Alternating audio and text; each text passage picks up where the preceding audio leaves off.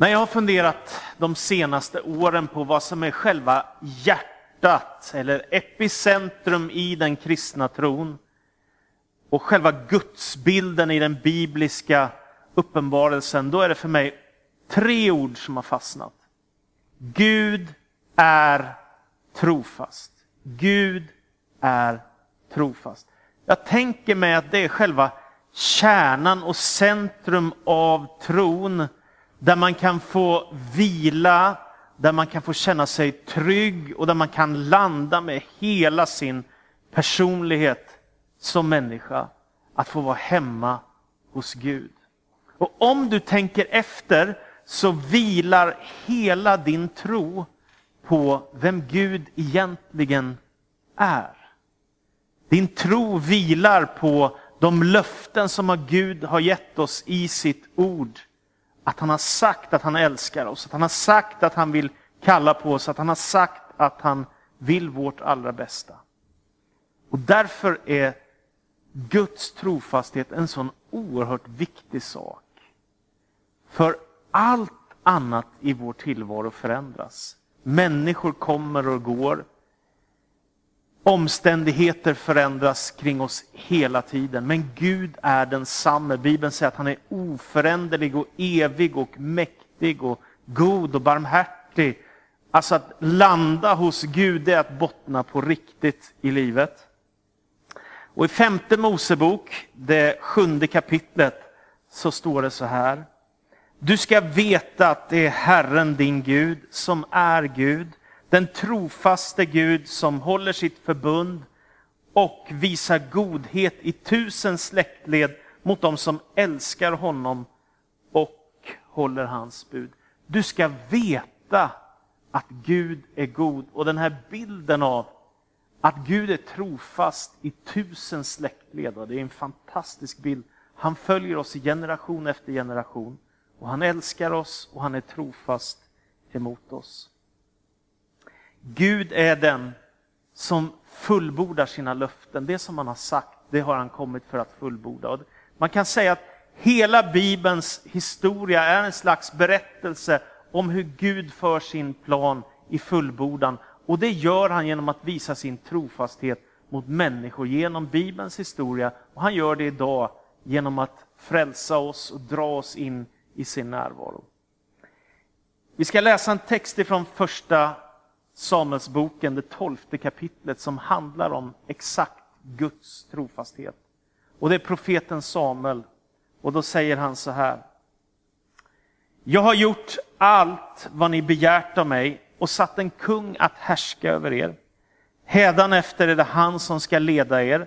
Själv är jag gammal och grå och mina söner har ni ibland er. Jag har varit ledare från min ungdom ända till denna dag.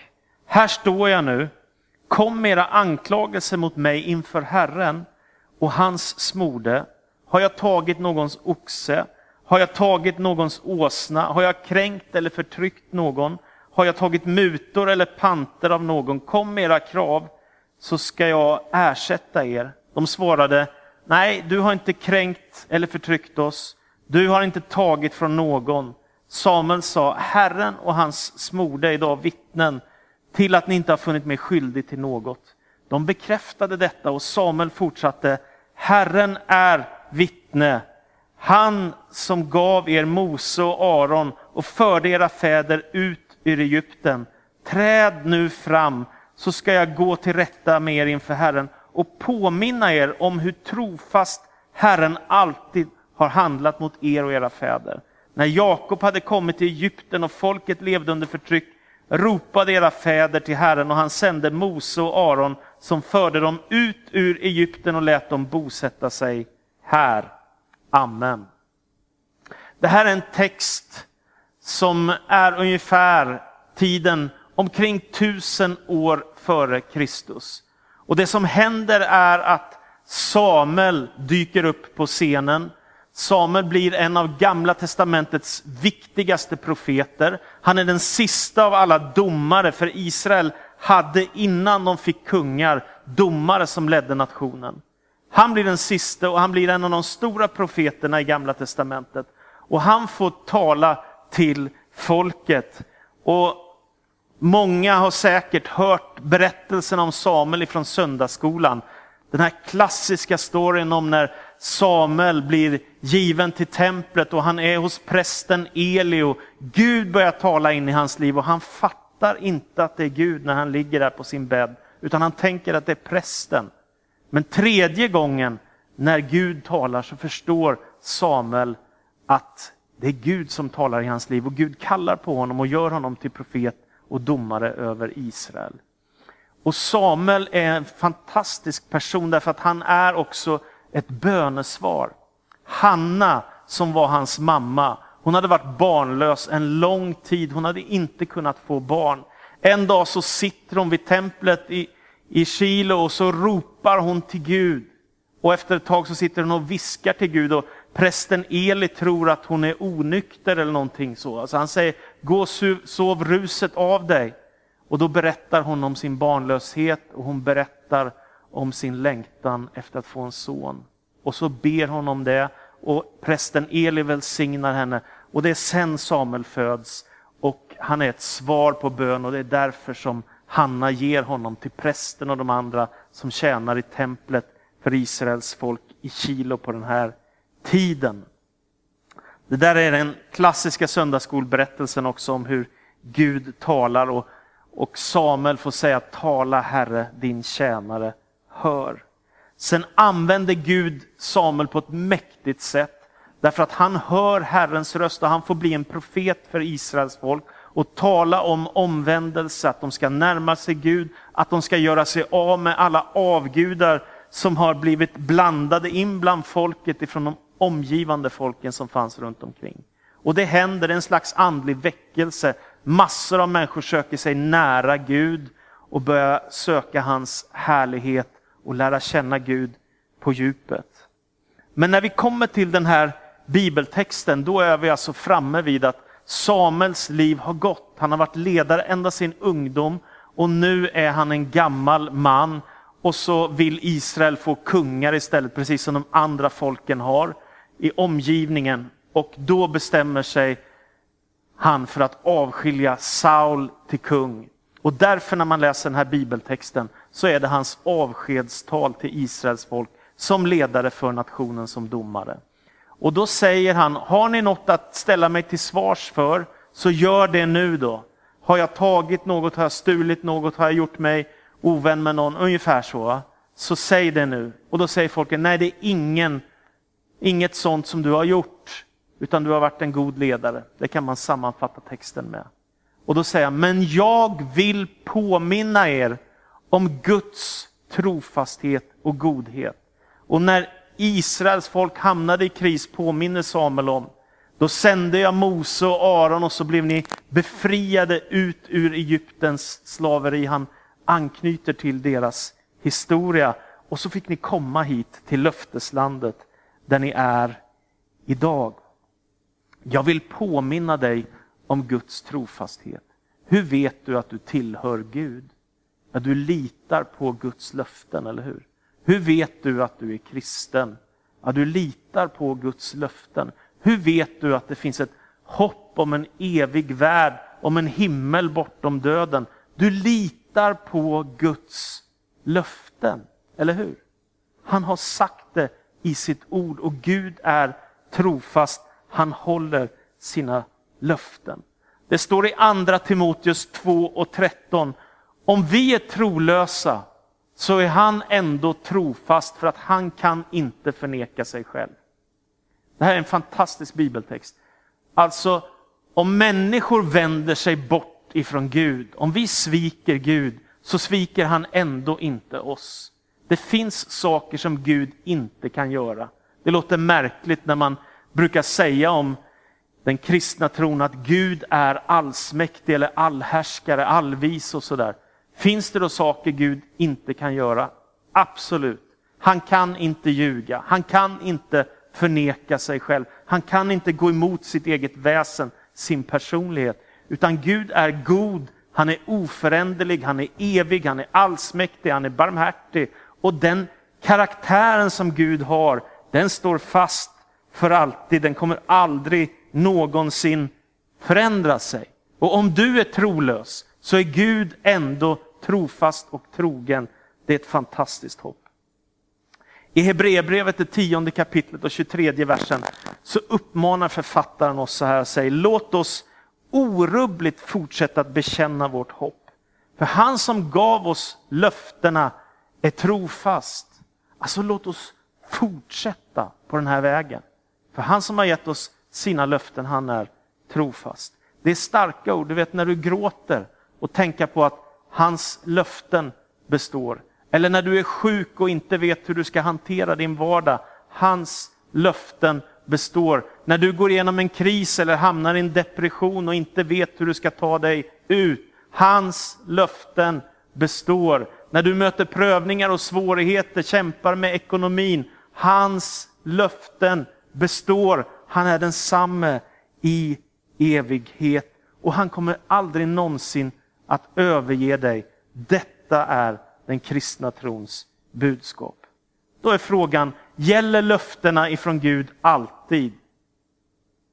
Jag tänk dig själv här, man tar ett klassiskt bibelord väldigt enkelt, Romarbrevet 10 och 9. Om du med din mun bekänner att Jesus är Herre och i ditt hjärta tror att Gud har uppväckt honom från de döda, ska du bli räddad.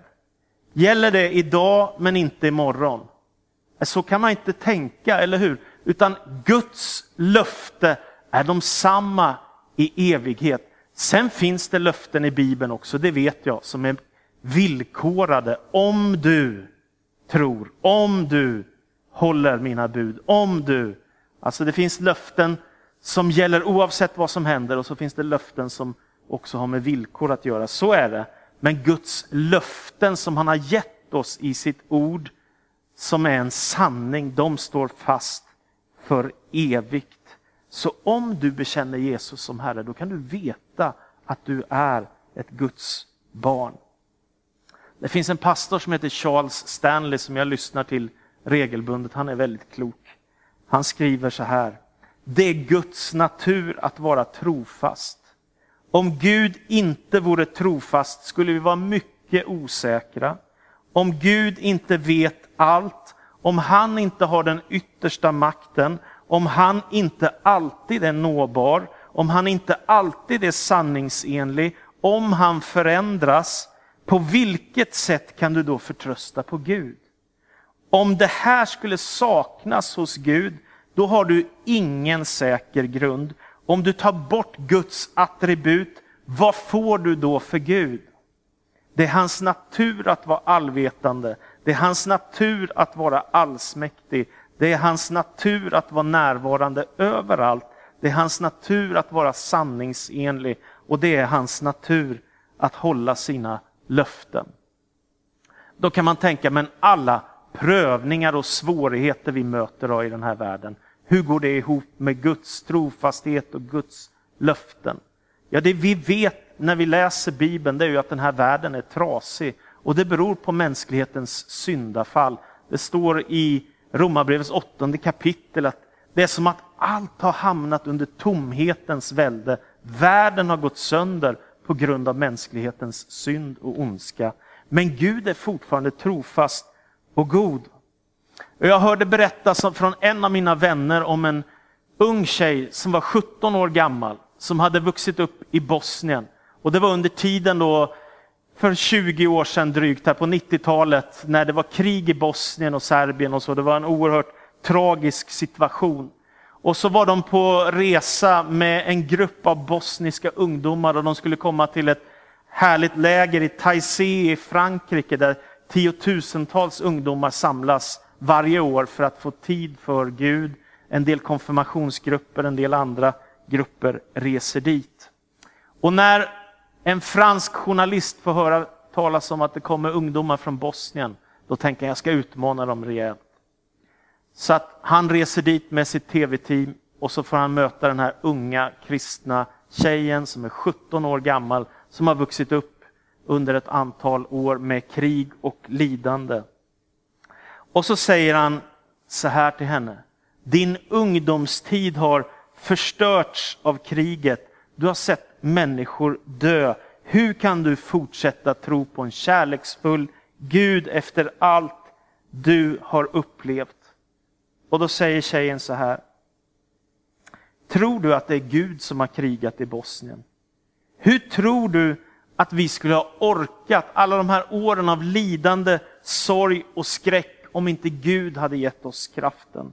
Och journalisten backar direkt. Och så fortsätter hon. Och hur inbillar du dig att vi ska våga tro på framtiden där bosnier, serber och kroater lever tillsammans om inte Gud är med oss? Vilket fantastiskt svar när en 17-åring lätt tar en tv-journalist som tror att han ska sänka hennes tro. Det finns en sångförfattare, jag går in mot avslutningen nu, som heter Fanny Crosby. Hon var blind och kämpade mycket i sitt liv, men hon skrev mängder av sånger till Guds ära. En av dem är en ganska välkänd psalm som heter Saliga visshet, Jesus är min. Och på engelska är den texten, inledningen till den texten, Blessed assurance, Jesus is mine. Alltså välsignade förvissning, Jesus Kristus är min. Tänk att få ha denna tro, denna styrka, andliga kraft i sitt liv som gör att jag inte bara är här en kort tid, några år och så får vi se vad det blir och någon slags osäker tillvaro, utan Gud och Kristus själv är som ett slags ankare, som en klippa, någonting att bygga hela sitt liv på. Jesus Kristus är min. Kanske går du igenom tuffa tider just nu. Då kan du få förbön av oss. Du kan också få möjlighet att sitta i samtal med någon själavårdare. Vi har något som heter det goda samtalet i vår kyrka. Du kan ringa till oss, du får numret i slutet på vår gudstjänst. Kom ihåg att oavsett så Gud är trofast och god emot dig. I Saltaren 33 står det så här. Herre, till himlen sträcker sig din nåd och din trofasthet ända till skyarna. Din rättfärdighet är som väldiga berg och din rättvisa är som djupaste hav. Och i psalm 119 och 89 till 90 står det Herre, för evigt står ditt ord fast i himlen. I alla tider gäller vad du har sagt. Och i klagovisornas tredje kapitel står det Herrens nåd tar inte slut. Hans barmhärtighet upphör aldrig. Varje morgon är den ny. Stor är din trofasthet. Så vad du än gör, sök dig nära Gud. Om du är en sökare som inte vet riktigt hur du ska hantera din gudsrelation, om du är kristen sedan länge, sök dig nära Gud. Därför att Gud är trofast och hans löften står igenom allt. Amen.